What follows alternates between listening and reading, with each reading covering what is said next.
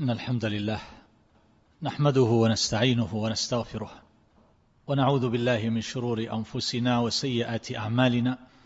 من يهده الله فلا مضل له ومن يضلل فلا هادي له. وأشهد أن لا إله إلا الله وحده لا شريك له وأشهد أن محمدا عبده ورسوله صلى الله وسلم وبارك عليه وعلى آله وصحبه أجمعين. أما بعد فسلام الله عليكم ورحمته وبركاته. في هذه الليلة أيها الأحبة نتعرف على اسم كريم من أسماء الله الحسنى وهو الحق. وسينتظم هذا الحديث كما هو المعتاد أيها الأحبة الكلام على معنى هذا الاسم الكريم ثم الكلام على دلائله ثم الكلام على ما يدل عليه. بعد ذلك نتحدث عن آثاره في الخلق والأمر ثم نتحدث عن آثار الإيمان بهذا الاسم الكريم على المؤمن. أما ما يتعلق بالمعنى الحق الله هو الحق من أسمائه الحق. فالحق أيها الأحبة في كلام العرب يدل على الشيء الثابت كما أن الباطل يقابله فالباطل هو الذاهب المضمحل الذي لا حقيقة له ولا بقاء. وذلك الحق يقال للموصوف بالحقية وإظهار الحقيقة أيضا ويأتي لمعان تتفرع من هذا. لكنه في أصله يدل على الثبوت كما أن مقابله وهو الباطل يدل على الذهاب والزوال. والاضمحلال فالحق بمعنى المطابقة والموافقة وبمعنى أيضا المتوحد عمن سواه بخلاف الشرك وكذلك أيضا الثابت وكل ذلك يرجع إلى المعنى الأصل الذي ذكرناه. وقد ذكر بعض أهل العلم كالراغب أن أصل الحق الذي هو بمعنى المطابقة والموافقة يأتي على أوجه يعني تتفرع من المعنى الأصل. فيقال ذلك لموجب لموجد الشيء على ما تقتضيه الحكمة. فالله تبارك وتعالى حق ثم ردوا إلى الله مولاهم الحق. فالذي يوجد الأشياء من غير عبث يوجدها على علم وحكمة يضع الأمور في مواضعها ويوقعها في مواقعها فذلك حق. كما يقال الحق أيضا للموجد على مقتضى الحكمة. الموجد يقال له حق الذي يوجدها على هذا النهج. كذلك هذا الذي وجد يعني هذا الموجد على مقتضى الحكمة يقال له حق. ومن ثم فإن أفعال الله كلها حق هو الذي جعل الشمس ضياء والقمر نورا وقدره منازل لتعلموا عدد السنين والحساب. ما خلق الله ذلك إلا بالحق. كما يقال ذلك أيضا للاعتقاد الصحيح المطابق.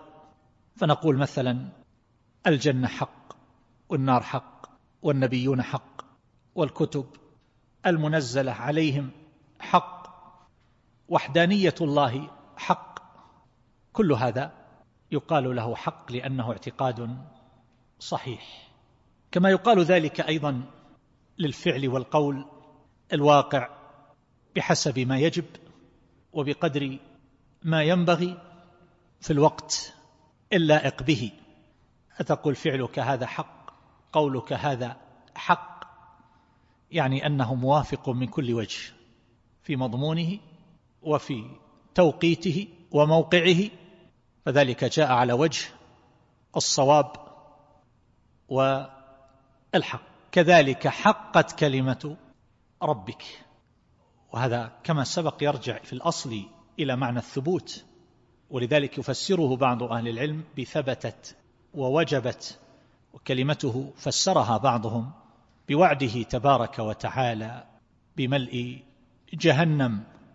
أو أن هؤلاء الذين قد كتب عليهم الضلالة أنهم لا يؤمنون فوقعت عليهم كلمته وكما قال الله تبارك وتعالى ولكن حق القول مني لأملأن جهنم فهذا واقع بحسب ما قدر ورسم له على الوجه الذي أراده الله تبارك وتعالى في حين لا يتقدم عنه ولا يتأخر. ولهذا يقول الله تبارك وتعالى ولو اتبع الحق أهواءهم لفسدت السماوات والأرض فهذا يمكن أن يكون المراد بالحق هنا في هذه الآية ولو اتبع الحق أهواءهم أي الله. لو أن الله اتبع أهواءهم فهؤلاء لهم رغائب وإرادات متنافية ومتناقضة. فهذا يحب البرد وهذا يحب الحر وهذا يحب الربيع وهذا يحب الخريف. وهذا يحب كذا وذاك يبغض هذا فهم على غير وفاق فيحصل التناقض والتضارب والتعارض وفساد هذا العالم العلوي والسفلي. وهكذا أيضا يقال أحققت هذا الشيء بمعنى أثبته حقا أو حكمت بكونه كذلك ليحق الحق يعني ليثبته ليوقعه على وفق ما أراد تبارك وتعالى. فإحقاقه الحق يكون بإظهار دلائله وبراهينه وبيناته التي يتجلى فيها هذا الحق فلا يبقى فيه لبس ولا غموض وكذلك أيضا بتكميل هذه الشريعة فذلك إحقاق للحق وببثها ونشرها وإذاعتها وإعلاء هذا الدين ورفعه ورفع رايته وإعزازه على سائر الأديان هو الذي أرسل رسوله بالهدى ودين الحق ليظهره على الدين كله. فالحق أيها الأحبة هو المتحقق كونه ووجوده وكل شيء صح وجوده وكونه فهو فهو حق. الله تبارك وتعالى سمى القيامة بالحاقة. الحاقة ما الحاقة؟ لأنها كائنة واقعة لا محالة ولا شك في وقوعها ولا مدفع له بحال من الأحوال. فالساعة حق لا شك فيها ولا أيضا مدفع لوقوعها. هذا ما يتعلق بمعناه في كلام العرب. وأما الحق الذي يضاف إلى الله تبارك وتعالى الذي يسمى به أسمائه الحق فإن ذلك من الأسماء المشتركة التي تقال لله تبارك وتعالى وتقال أيضا لغيره لأن ذلك يقال لكل ما له حقيقة وثبوت سواء كان ذلك من الذوات أو العقائد أو الأخبار أو غير ذلك. كما يقال ذلك للشيء الذي يجب عليك نحو غيرك قالوا له حق. لفلان عليك حق. فالله تبارك وتعالى حقه على عباده أن يعبدوه ولا يشركوا به شيئا. حق الوالدين على الولد البر والإحسان وكذلك أيضا سائر الحقوق. ولكن الحق المطلق الذي لا باطل معه بوجه من الوجوه لا يكون إلا لله تبارك وتعالى. فقوله الحق وله دعوة الحق وله الملك الحق. فأحق الموجودات بأن يكون حقا هو الله جل جلاله وتقدست أسماؤه. وأحق المعلومات والمعارف بأن يكون حقا هو معرفة الله تبارك وتعالى والعلم به. فالله حق في نفسه وكذلك أيضا هو حق في ذاته في وجوده في إلهيته في ربوبيته في أفعاله في أسمائه في صفاته. كل ذلك حق كما سيأتي بيانه إن شاء الله. والمقصود أن ذلك قد يقال للأقوال. تقول قول حق قول باطل وعليه فأحق الأقوال أيها الأحبة. هي كلمة التوحيد. لا إله إلا الله.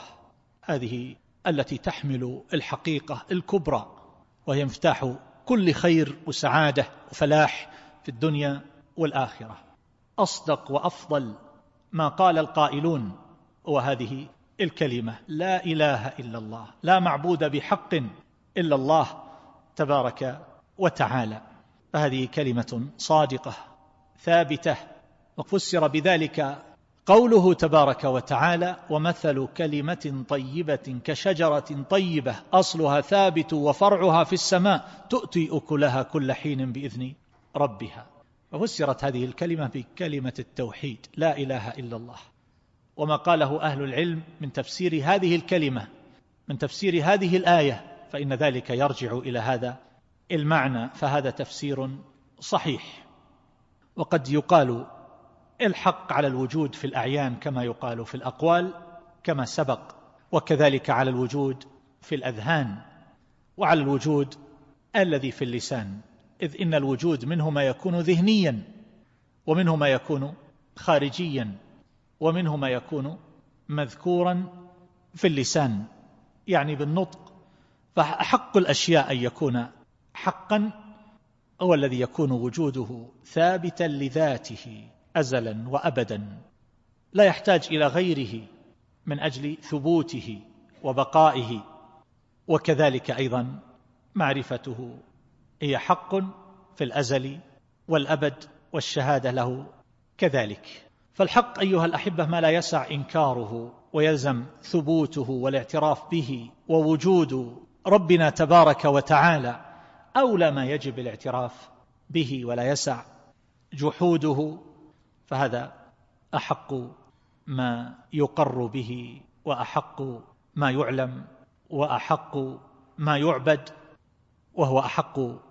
الموجودات في الوجود فوجوده متحقق وإلهيته متحققة كما أن ربوبيته وأسماءه كذلك.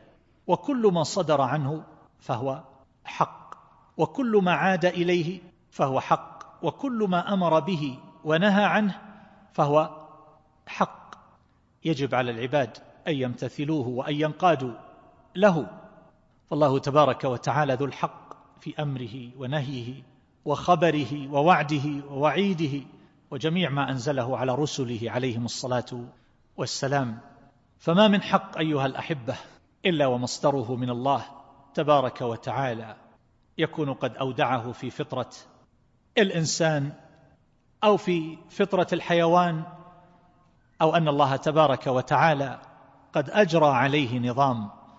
هذا الكون منذ خلق السماوات والأرض أو بينه على ألسن الرسل عليهم الصلاة والسلام وأرشد إليه بشرعه ووحيه.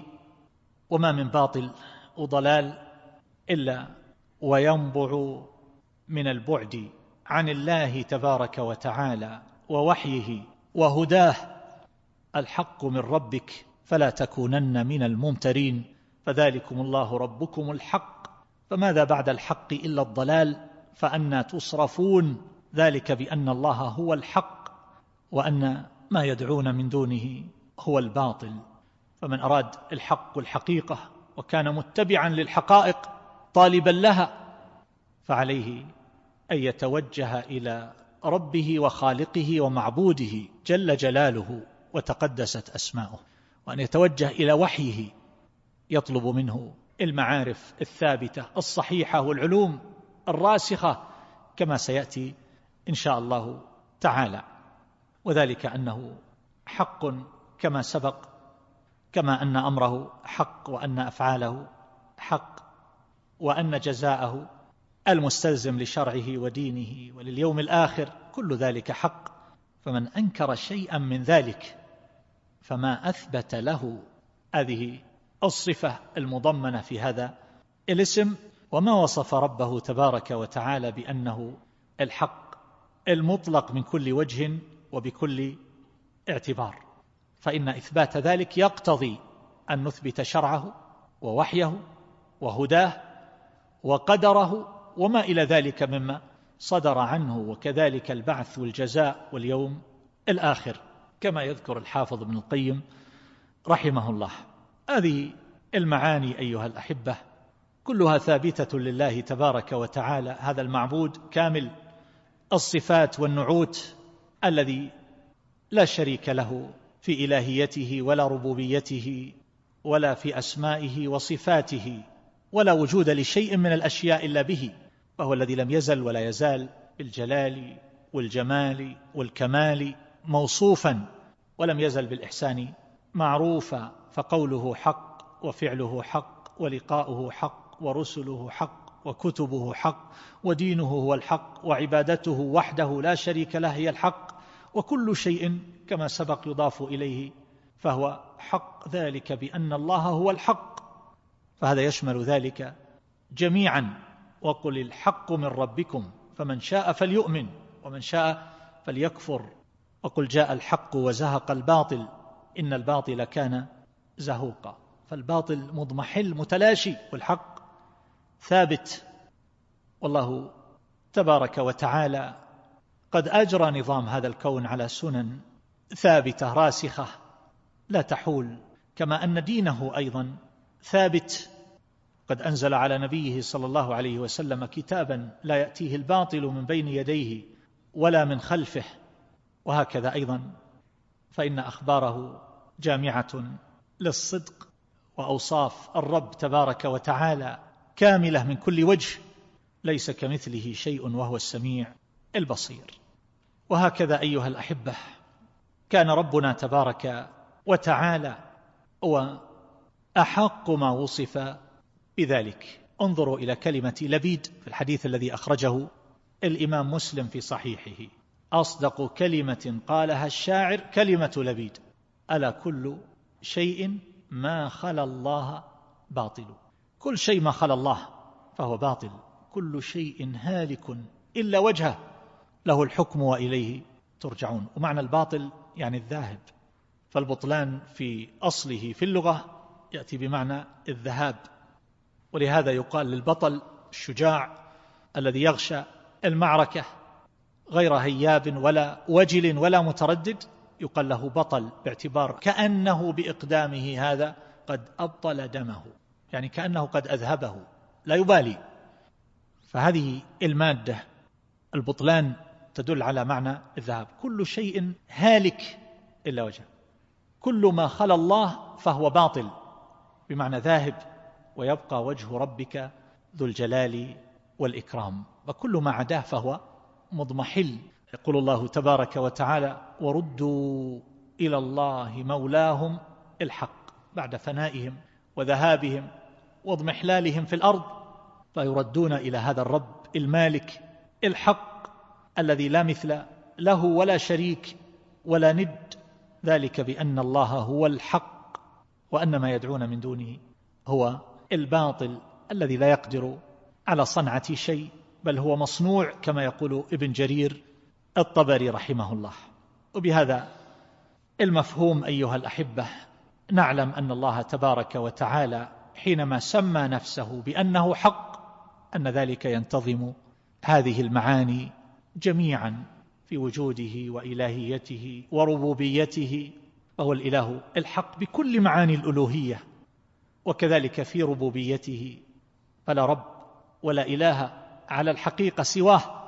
لا معبود بحق لا إله بحق سوى الله تبارك وتعالى. قل من يرزقكم من السماء والأرض أم من يملك السمع والأبصار ومن يخرج الحي من الميت ويخرج الميت من الحي ومن يدبر الأمر.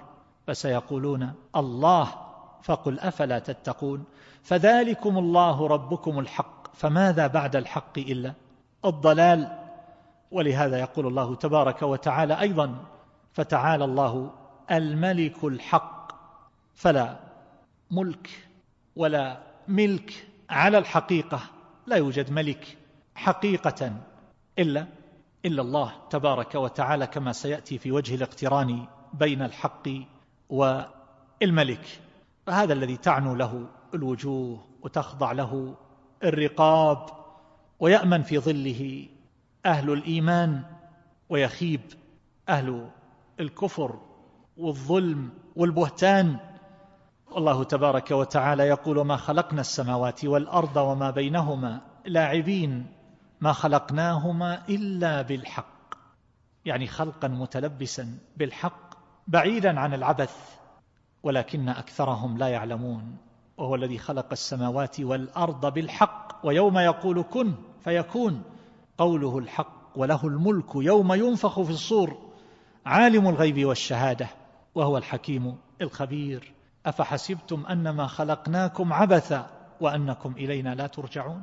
فتعالى الله الملك الحق لا إله إلا هو رب العرش الكريم. فهذا هو الخلاق الحكيم العليم الواحد الأحد جل جلاله وتقدست أسماؤه.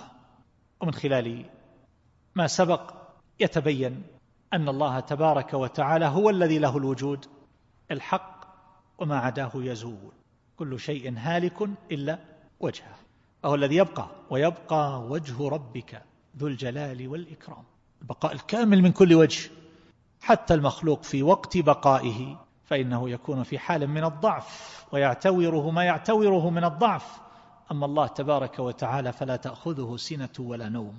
وقد فهم منه كبير المفسرين أبو جعفر بن جرير رحمه الله أنه لا تعتريه الآفات يعني ذكر السنة والنوم هذه من العوارض والآفات التي تكون نقصا في الحياة.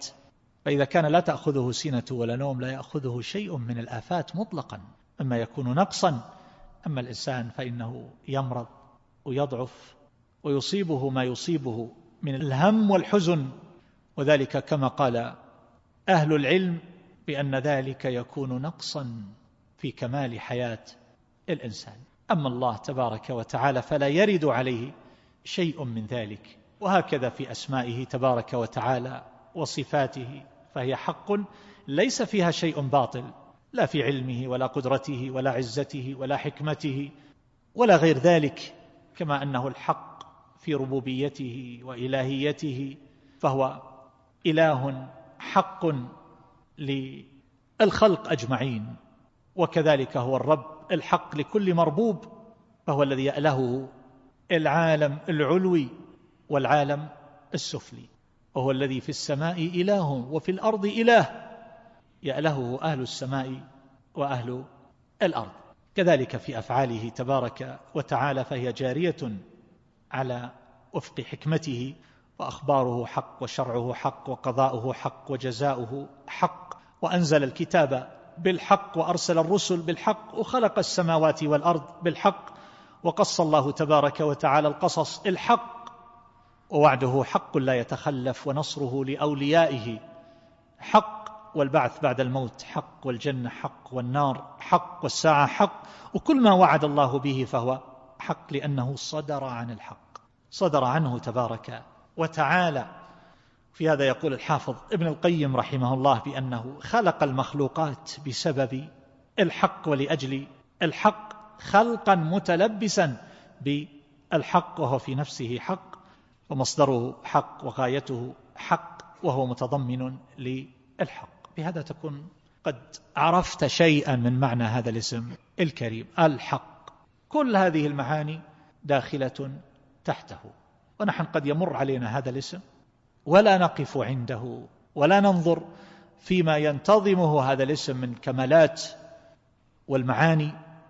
ولذلك كان من أنفع ما يكون للعبد في تقوية إيمانه وإحياء وازع المراقبة مراقبة الله تبارك وتعالى في السر والعلانية لا سيما في هذه الأوقات التي صارت الفتنة أقرب إلى الواحد من اليد للفم فيحتاج إلى مراقبة عظيمة يراقب بها ربه تبارك وتعالى حينما ينظر في هذه الأسماء الحسنى ومعانيها ويتدبر القرآن.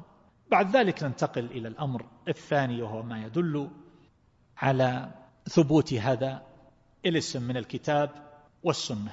فهذا الاسم أيها الأحبة جاء في عشر آيات من كتاب الله تبارك وتعالى. قد سمعنا بعضها كقوله تبارك وتعالى ثم ردوا إلى الله مولاهم الحق. فذلكم الله ربكم الحق فتعالى الله الملك الحق وما إلى ذلك من الآيات. كذلك في سنة رسول الله صلى الله عليه وسلم فقد جاء فيما كان يستفتح به صلى الله عليه وسلم صلاة الليل اللهم لك الحمد أنت قيم السماوات والأرض ومن فيهن ولك الحمد. لك ملك السماوات والأرض ومن فيهن ولك الحمد. أنت نور السماوات والأرض ومن فيهن ولك الحمد. أنت ملك السماوات والأرض ومن فيهن ولك الحمد. أنت الحق. وقولك الحق ولقاؤك حق والجنة حق والنار حق والنبيون حق ومحمد صلى الله عليه وسلم حق وهو مخرج في صحيح البخاري وقد مضى الكلام عليه في شرح الأذكار. ثم نجد أيها الأحبة في هذه الآيات الاقتران بين هذا الاسم الكريم الحق والملك وذلك في موضعين في كتاب الله تبارك وتعالى. فتعالى الله الملك الحق. لا إله إلا هو رب العرش الكريم. فتعالى الله الملك الحق ولا تعجل بالقرآن من قبل أن يقضى إليك وحيه. فهذا الاقتران كما عرفنا في مناسبات سابقة يعطي معنى يزيد على معنى كل اسم من أسماء الله تبارك وتعالى بمفرده فهو كمال ثالث.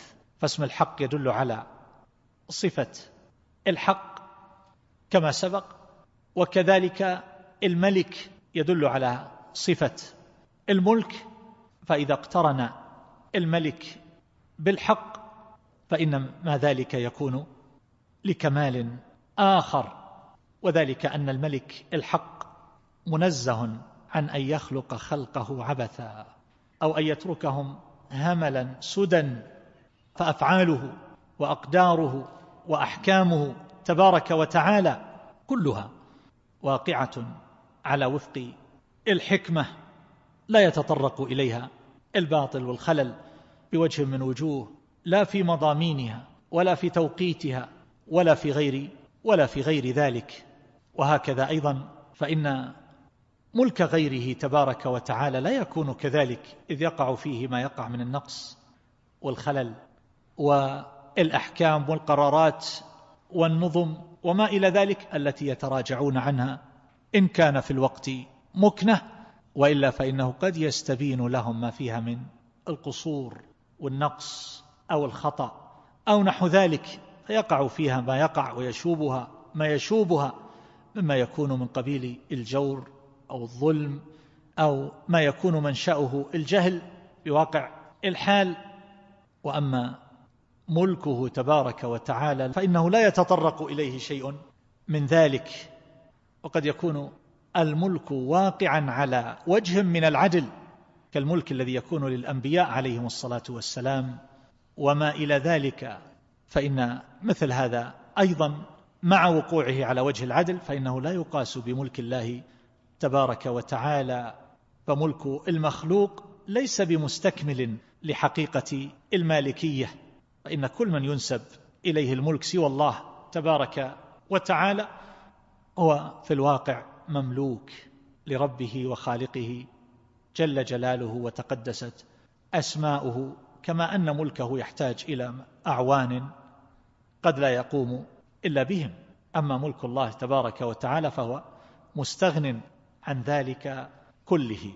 فهذا اقترانه بهذا الاسم الكريم الملك وملكه حق وهذا لا يكون بحال من الأحوال من كان ملكه.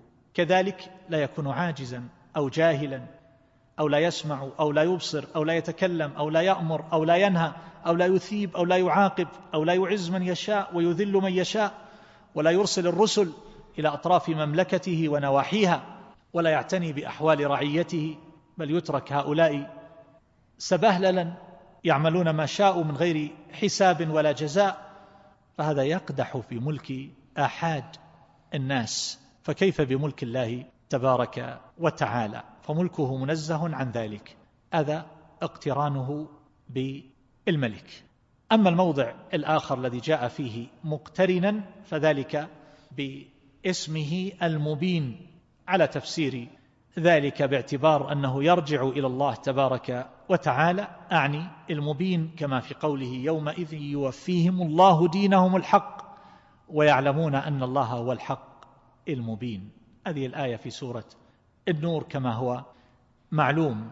فالمبين هنا يحتمل أن يكون من قبيل الوصف للحق الحق المبين الحق الذي يكون بينا في نفسه مبينا لغيره لا يترك لبسا ولا غموضا.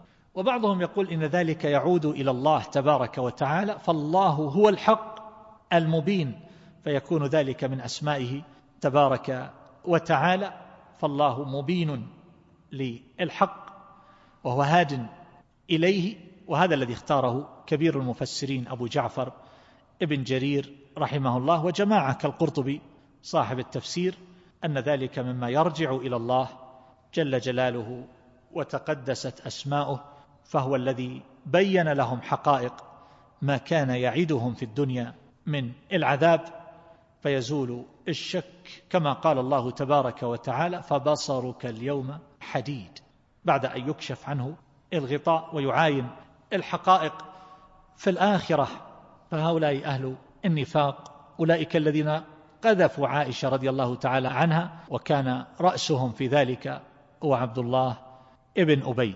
فهؤلاء إذا نظرنا إلى السياق الذي جاءت به هذه الآية فقد قالوا هذا الإفك وهم يعلمون أنه باطل وأنه مختلق وأنه إفك. فحينما بين الله عز وجل طهارة عائشة رضي الله تعالى عنها ونزاهتها فإن ذلك مما يرجع إلى هذا الاسم الكريم المبين.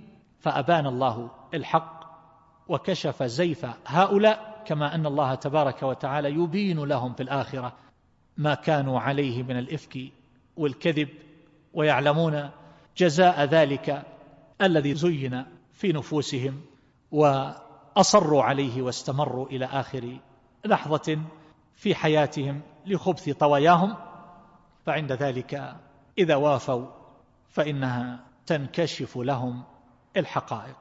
أما ثالثا فهو في الكلام فيما يدل عليه هذا الاسم الكريم. هذا الاسم أيها الأحبة يدل على ذات الله وعلى هذه الصفة وهي الحق حقية بدلالة المطابقة. ويدل على الذات بدلالة التضمن كما يدل على الصفة بمفردها بدلالة التضمن. أما بدلالة اللزوم فإنه يدل على ما لا يكون ذلك إلا به فهذا يحتاج إلى حياة وعلم وسمع وبصر وقدرة وإرادة وما إلى ذلك من صفات الكمال. وأما رابعا ففي الكلام على آثار هذا الاسم في الخلق والأمر. وحينما نقول الخلق نقول في الخلق والشرع. الخلق يعني أقدار الله تبارك وتعالى أمره الكوني وأما الشرع فذلك يكون لأمره الشرعي. يعني ما شرعه على ألسن رسله عليهم الصلاة والسلام. فالله تبارك وتعالى خلق السماوات والأرض بالحق وما بينهما ولم يخلق ذلك باطلا بل خلقه خلقا صادرا عن الحق وآيلا إلى الحق ومشتملا على الحق. فالحق سابق لخلق السماوات والأرض سائر هذه المخلوقات ومقارن له وهو غاية له. فيقوم بعد ذلك الجزاء والحساب تنصب الموازين ويظهر كمال عدله تبارك وتعالى وما له من أوصاف الكمال. ثم بعد ذلك يصير الناس إلى دار الجزاء في الجنة أو في النار. فالله تبارك وتعالى قد خلق هذا الخلق لغاية وحكمة وما خلقت الجن والإنس إلا ليعبدون. فهذا كله من آثار هذا الاسم الكريم حيث أوجد هذه المخلوقات في العالم العلوي والعالم السفلي على هذا على هذا الوجه. وهكذا أيضا في عطائه ومنعه وأقداره وأرزاقه. قل من يرزقكم من السماء والأرض أم من يملك السمع والأبصار. ومن يخرج الحي من الميت ويخرج الميت من الحي ومن يدبر الأمر. فسيقولون الله فقل أفلا تتقون. لاحظ أن هؤلاء المشركين يقرون بجميع هذه الأشياء وهي من آثار هذا الاسم الكريم. فذلكم الله ربكم الحق. فماذا بعد الحق إلا الضلال؟ فأنا تصرفون. كيف تصرفون عن عبادته وتوحيده؟ تصرفون العبادة لغيره من الأوثان والأصنام. قل هل من شركائكم من يبدأ الخلق ثم يعيده؟ قل الله يبدأ الخلق ثم يعيده. فأنا تؤفكون. قل هل من شركائكم من يهدي إلى الحق؟ قل الله يهدي للحق. أفمن يهدي إلى الحق أحق أن يتبع أما لا يهدي إلا أن يهدى؟ فما لكم كيف تحكمون؟ يهدي يعني يهدي فهو لا يهدي غيره ولا يملك ذلك. وهكذا في قوله تبارك وتعالى قل يا أيها الناس إن كنتم في شك من ديني فلا أعبد الذين تعبدون من دون الله ولكن أعبد الله الذي يتوفاكم وأمرت أن أكون من المؤمنين. وهكذا في قوله ذلك بأن الله يولج الليل في النهار ويولج النهار في الليل وأن الله سميع بصير. ذلك بأن الله هو الحق. فحينما يولج الليل في النهار ويولج النهار في الليل فيقصر هذا تارة ويزيد هذا تارة ويتعاقبان بهذا التعاقب الذي تقوم به مصالح الخلق ومعايشهم. هذا كله صادر عن كونه الحق وأنه خلق السماوات والأرض وما بينهما بالحق فهذا من آثار هذا الاسم الكريم. ذلك بأن الله هو الحق وأن ما يدعون من دونه هو الباطل وأن الله هو العلي الكبير. ألم تر أن الله أنزل من السماء ماء فتصبح الأرض مخضرة؟ إن الله لطيف خبير. له ما في السماوات وما في الأرض وإن الله لهو الغني الحميد. ألم ترى أن الله سخر لكم ما في الأرض والفلك تجري في البحر بأمره ويمسك السماء أن تقع على الأرض إلا بإذنه. إن الله بالناس لرؤوف رحيم. إلى آخر ما ذكر الله تبارك وتعالى في هذه الجمل التي قد تضمنت حقائق كثيرة مما يتصل بإلهيته الحقة وربوبيته وأنه يرزق من في السماء والأرض ويملك السمع والأبصار ويخرج الحي من الميت والميت من الحي ويدبر الأمر ويبدأ الخلق ثم يعيده ويهدي إلى الحق ويتوفى الأنفس ويولج الليل في النهار ويولج النهار في الليل ويحيي الأرض بالماء ويخرج النبات ويملك السماوات والأرض وما فيهما ويسخر للناس ما في السماوات والأرض ويمسك السماء أن تقع على الأرض إلا بإذن هذا كله من آثار هذا الاسم الكريم. فهذا كما قال الله عز وجل هذا خلق الله.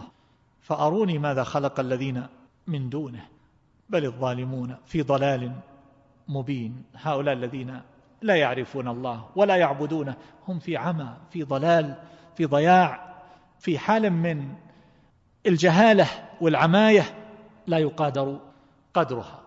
وكذلك حينما كان ربنا تبارك وتعالى هو الحق فهو يحب الحق ويقره ويأمر به ولا يستحيي من بيانه للناس وإظهاره لهم ويضرب لهم الأمثال في ذلك إن الله لا يستحيي أن يضرب مثلا ما بعوضة فما فوقها. فهذا كله مما يرجع إلى هذا الاسم الكريم كما أنه تبارك وتعالى لا يستحي من الأمر بالحق والحث عليه وإن استحي الناس من ذلك فأدب الناس وعلمهم كيف يكون دخولهم على رسول الله صلى الله عليه وسلم وكيف يكون مكثهم وجلوسهم عنده صلى الله عليه وسلم. يا أيها الذين آمنوا لا تدخلوا بيوت النبي إلا أن يؤذن لكم إلى طعام غير ناظرين إناه. يعني لا تأتي قبل الطعام بمدة طويلة تنتظر نضجه. ولكن إذا دعيتم فادخلوا فإذا طعمتم فانتشروا. يعني لا تبقى بعد الطعام مدة طويلة. هذه الآية يقولون أدب الله عز وجل فيها الثقلاء الذين يمكثون المدد الطويلة من غير حاجة.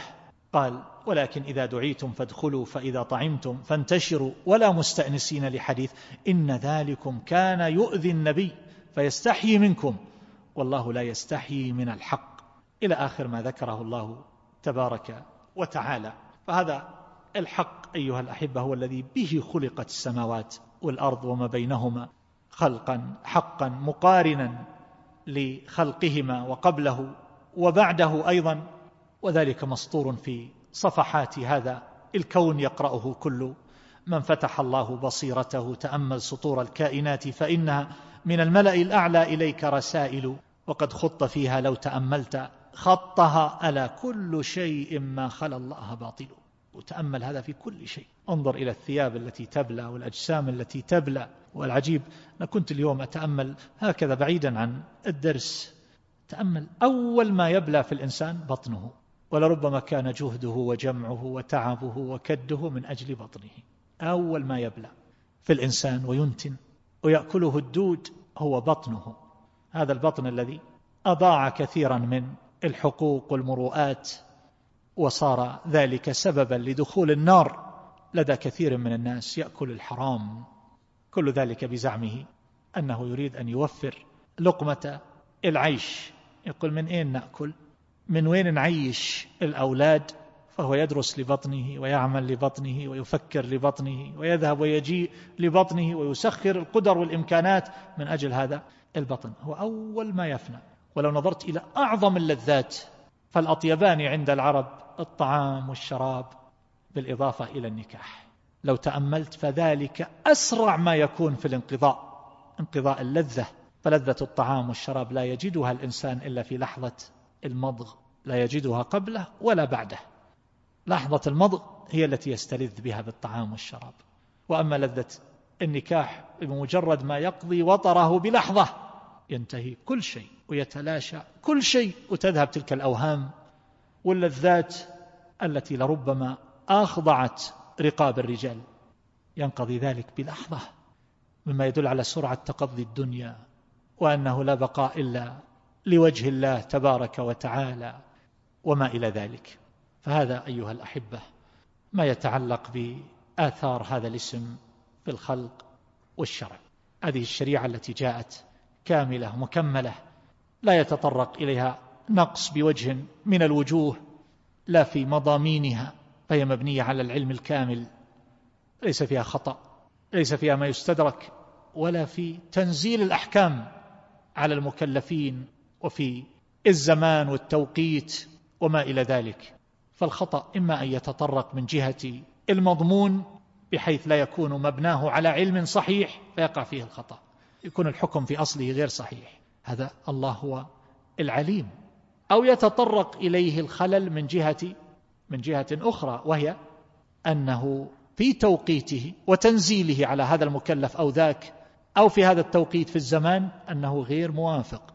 وهذا من جهة الحكمة إيقاع الأمور في مواقعها وتنزيلها في منازلها الصحيحة. فالله تبارك وتعالى حق في ذلك كله. فهو العليم الحكيم. فيطمئن العبد كما سيأتي إلى أحكامه الكونية القدرية وإلى أحكامه الشرعية معا.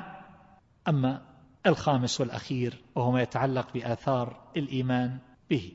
فأول ذلك كما هو المعتاد أيها الأحبة انطلاقا من قوله تبارك وتعالى ولله الأسماء الحسنى فادعوه بها. عرفنا أن الدعاء يكون على نوعين دعاء عبادة ودعاء مسألة. فدعاء المسألة أن نسأل الله تبارك وتعالى متوسلين بهذا الاسم الكريم وهذا كما جاء في الحديث السابق الذي فيه أنت الحق ووعدك الحق وقولك الحق ولقاؤك حق والجنة حق والنار حق والساعة حق إلى آخر ما ذكر النبي صلى الله عليه وسلم. أما دعاء العبادة فيدخل فيه جملة أمور ومن ذلك أن يكون الله تبارك وتعالى هو المحبوب. الذي لا يصح بحال من الأحوال أن تزاحم محبته في قلب العبد بمحبوب سواه. من عرف أن الله هو الحق المطلق في وجوده وفي شرعه وفي قدره وما إلى ذلك وأن ما يسوق إليه من الأقدار وما يشرع من الأحكام فكل ذلك واقع على وجه الصواب والحكمة فإنه يحبه والإنسان مجبول على محبة الكمال. ويلهج بذكره. نحن نرى الإنسان أحيانا يجلس مع إنسان يعجب به في بعض الجوانب في كرمه أو في خلقه أو في تعامله أو في كلامه ومنطقه معه واستقباله له ونحو ذلك فيخرج من عنده ولربما يبقى مدة طويلة من الأيام والأسابيع أو الشهور وفي كل مناسبة وبغير مناسبة يتحدث عن فلان. يثني عليه. ويذكره ويذكر أوصافه مع أنه لم يستأجر لهذا. وذاك قد لا يشعر به أصلا. ولكن الإنسان مجبول على هذا محبة الكمال. فإذا رأى مشروعا أو أعمالا فيها شيء من الكمال فإنه يقبل عليها. فإذا عرف العبد ذلك في صفة الله تبارك وتعالى أنه الحق فإنه يحبه ويعظمه ويجله. وذلك أن كل ما سوى الله تبارك وتعالى فوجوده مستمد من وجود الله عز وجل لأنه هو الذي أوجده أولا وهو الذي يقيمه في ويبقيه وإلا لو تخلى الله عز وجل عنه طرفة عين لما كان لأحد بقاء. وما يصل إلى الإنسان أيها الأحبة من الناس من ألوان الإحسان وصروف المعروف فإن ذلك إنما هو بتيسير الله عز وجل فمنه الإيجاد والإعداد والإمداد. هؤلاء مجرد أسباب. أجرى الله ذلك على أيديهم. فانظر إلى مسبب الأسباب.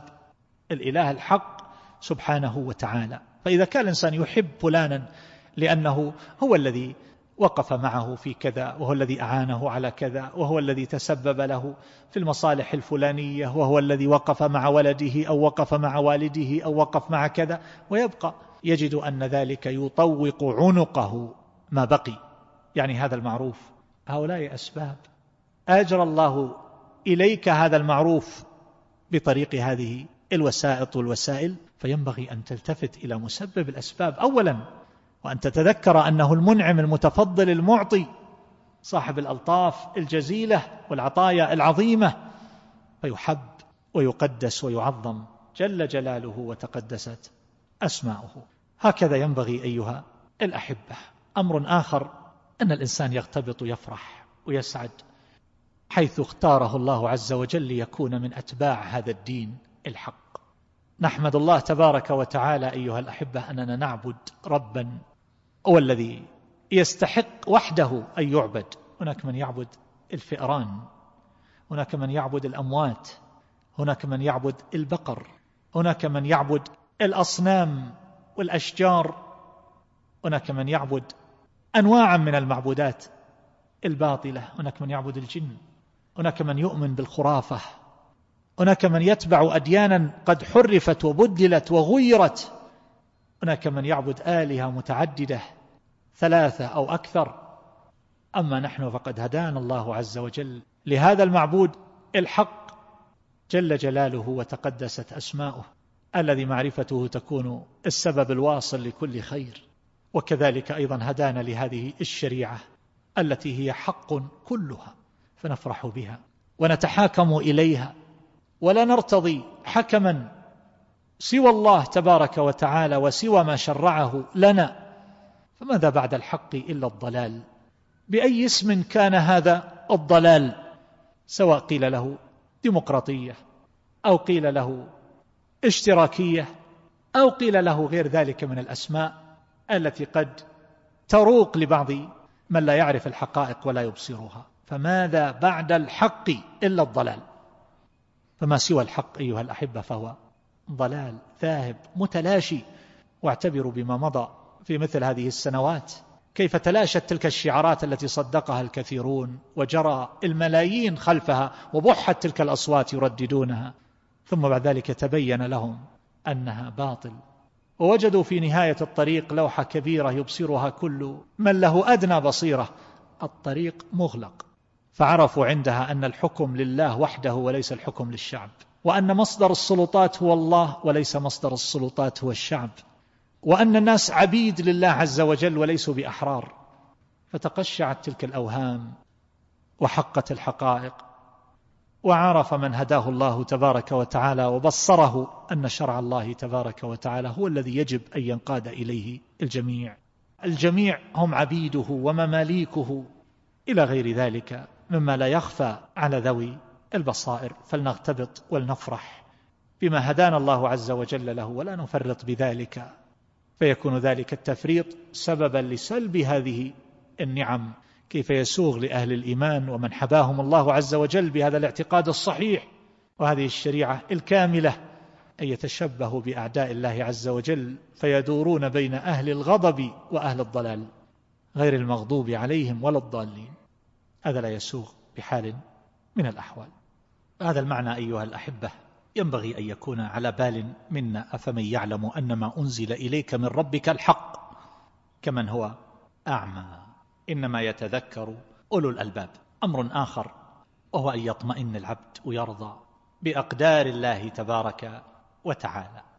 ما يقع له من المكاره والمصائب ونحو ذلك فهذا واقع على وفق علم الله تبارك وتعالى وحكمته. قدر الله مقادير الخلق قبل أن يخلق السماوات والأرض بخمسين ألف سنة وكان عرشه على الماء.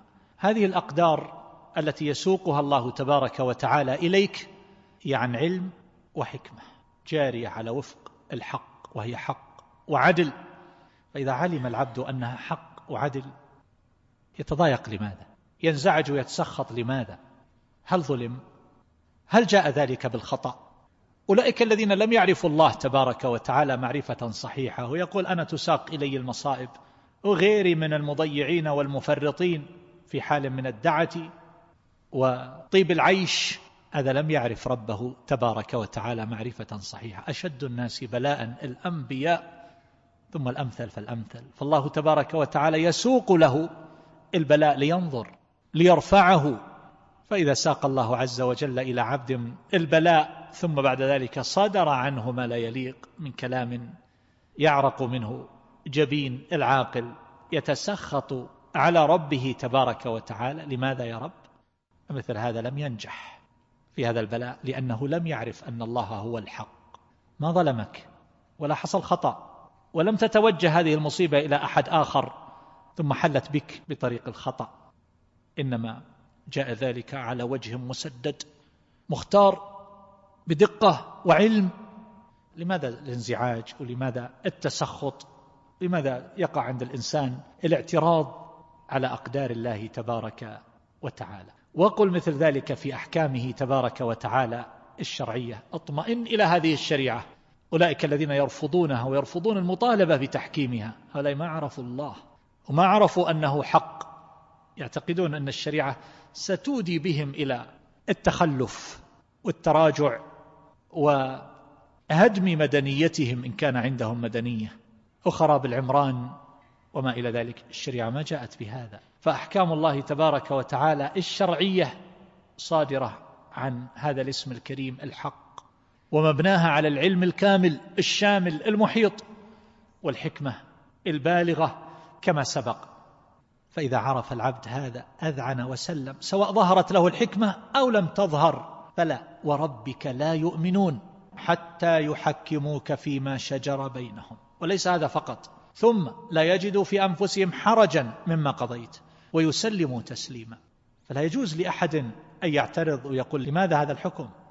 هناك من ينكرون أحكاما ثابتة بنصوص قاطعة في الكتاب أو السنة. وهكذا أيضا المرأة حينما تنكر أو حينما تعترض أو حينما تتشكك في بعض أحكام الله تبارك وتعالى لماذا لنا نصف الميراث؟ تعاملوننا معاملة لا إنسانية لا يقول هذا من عرف أن الله هو الحق فشرعه حق وهو العليم الحكيم الذي حرم الربا الذي حرم جميع الأمور الضارة وأحل الطيبات. ليس لأحد أن يتوقف ويقول هذا الشيء. لماذا؟ لم يظهر لي وجه التحريم. لماذا حرمه الله تبارك وتعالى؟ لم أقتنع. ثم لا يجدوا في أنفسهم حرجا مما قضيت. وأيضا تسليم الكامل ويسلم تسليما علمنا الحكمة أو لم نعلم. كذلك أيضا القبول التام والتصديق الجازم لكل ما أخبر الله تبارك وتعالى عنه. فلا يعارض بغيره. ما يقال والله الأخبار التاريخية المدون في كتب التاريخ يعارض ما ذكر في هذه الآية. كتب التاريخ هذه أين إسنادها وأين خطامها وزمامها؟ وهذا كلام الذي لا ينطق عن الهوى منزل من فوق سبع سماوات. فلا يعارض لا بقول مؤرخ ولا يعارض ذلك أيضا بشيء مما يمكن أن يعارض به من قول القائلين سواء من ما وجد في الكتب السابقة المحرفة أو بنظريات يدعون أنها نظريات حقائق علمية وليست كذلك. لا يوجد في الكتاب والسنة شيء مما ثبت عن رسول الله صلى الله عليه وسلم أو مما هو في القرآن يعارض العقل الصحيح أبدا. كما أنه لا يوجد شيء في كتاب الله ولا في سنة رسوله صلى الله عليه وسلم يخالف الحقائق العلمية الثابتة.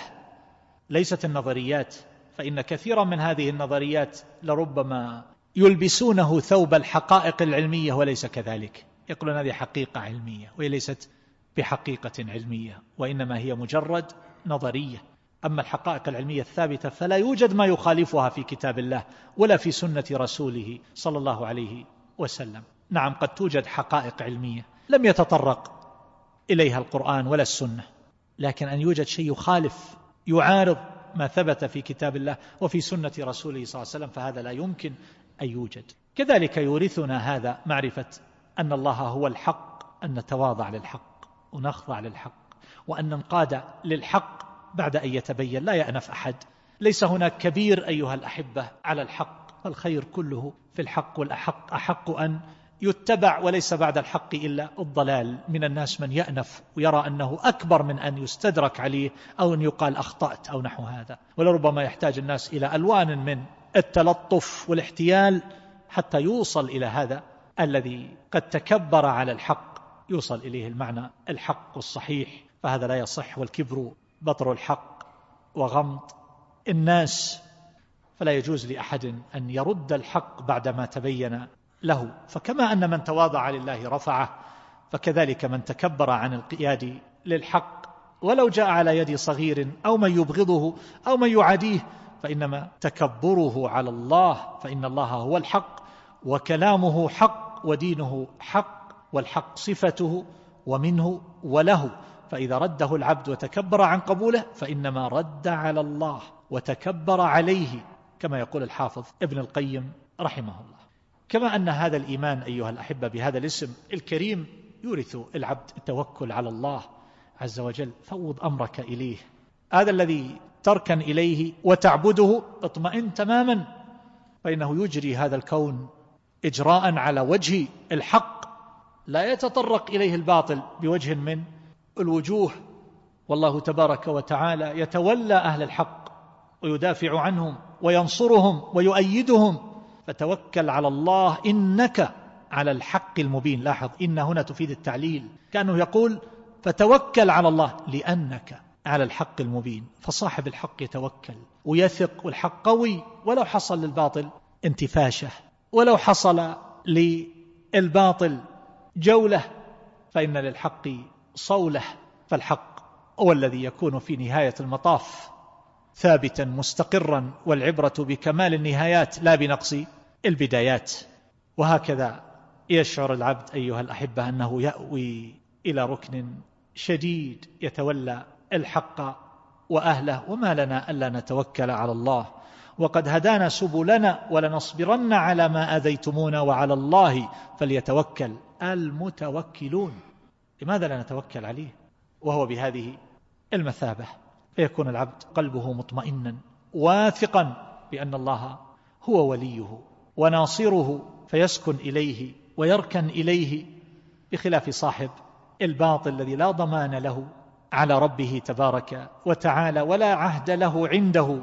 فالله لا يتولى الباطل وأهله وقد حكم أن الباطل كان زهوقا. يذهب ويزول ويضمحل فأعمال أهل الباطل ذاهبة ونفقاتهم اطمئنوا. ذاهبة كل نفقة في الباطل فإنها تتلاشى وتذهب فسينفقونها ثم تكون عليهم حسرة ثم يغلبون. والذين كفروا إلى جهنم يحشرون.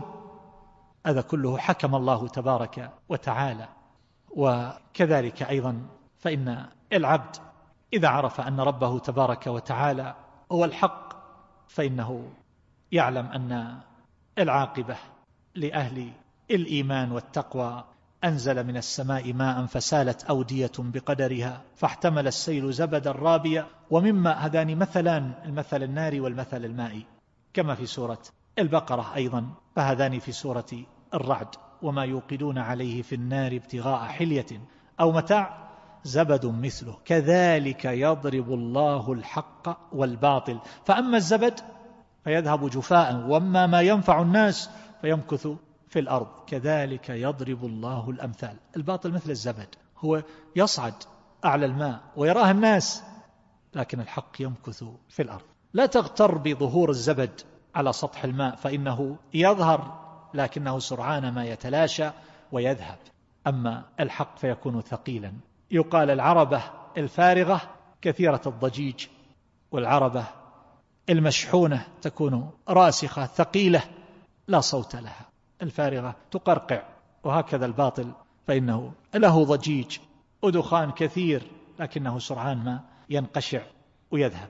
كذلك أيضا الإيمان بهذا الاسم الكريم يقتضي أن يؤمن العبد بوعد الله عز وجل وبلقائه وبجنته وناره وما إلى ذلك مما ينبغي الإيمان به مما يكون صادرا عن هذا الاسم وهذا يورثه الاستعداد الدائم للقاء الله عز وجل.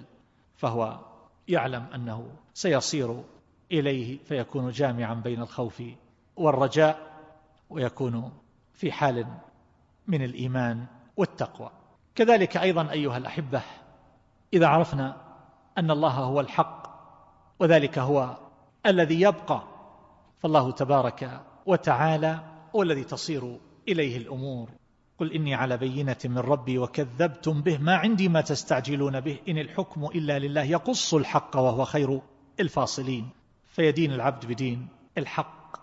قاتلوا الذين لا يؤمنون بالله ولا باليوم الآخر ولا يحرمون ما حرم الله ورسوله ولا يدينون دين الحق من الذين أوتوا الكتاب حتى يعطوا الجزية عن يد وهم صاغرون. هنالك الولاية لله الحق وخير ثوابا وخير عقبا. وهكذا يكون التواصي بالحق والصبر والعصر. إن الإنسان لفي خسر إلا الذين آمنوا وعملوا الصالحات وتواصوا بالحق وتواصوا بالصبر. تواصي بالحق بلزومه ثبات عليه والعمل به وإذاعته مع اعتقاده والإيمان به. كذلك إذا علم العبد أن الله هو الحق فإنه يؤدي الحقوق إلى أصحابها. أعطي كل ذي حق حقه كما قال النبي صلى الله عليه وسلم وكقوله كما في الصحيح أعطوا الطريق حقها. فتكون أفعال الإنسان واقعة على وجه الحق؟ ليس في تعدي ولا ظلم ولا أكل لأموال الناس بالباطل سيأتي اليوم الذي تقتص فيه الشاة الجلحاء من الشاة القرناء. الشاة التي ليست لها قرون من الشاة التي لها قرون كانت تنطحها في الدنيا. فهذا من كون الله تبارك وتعالى هو الحق.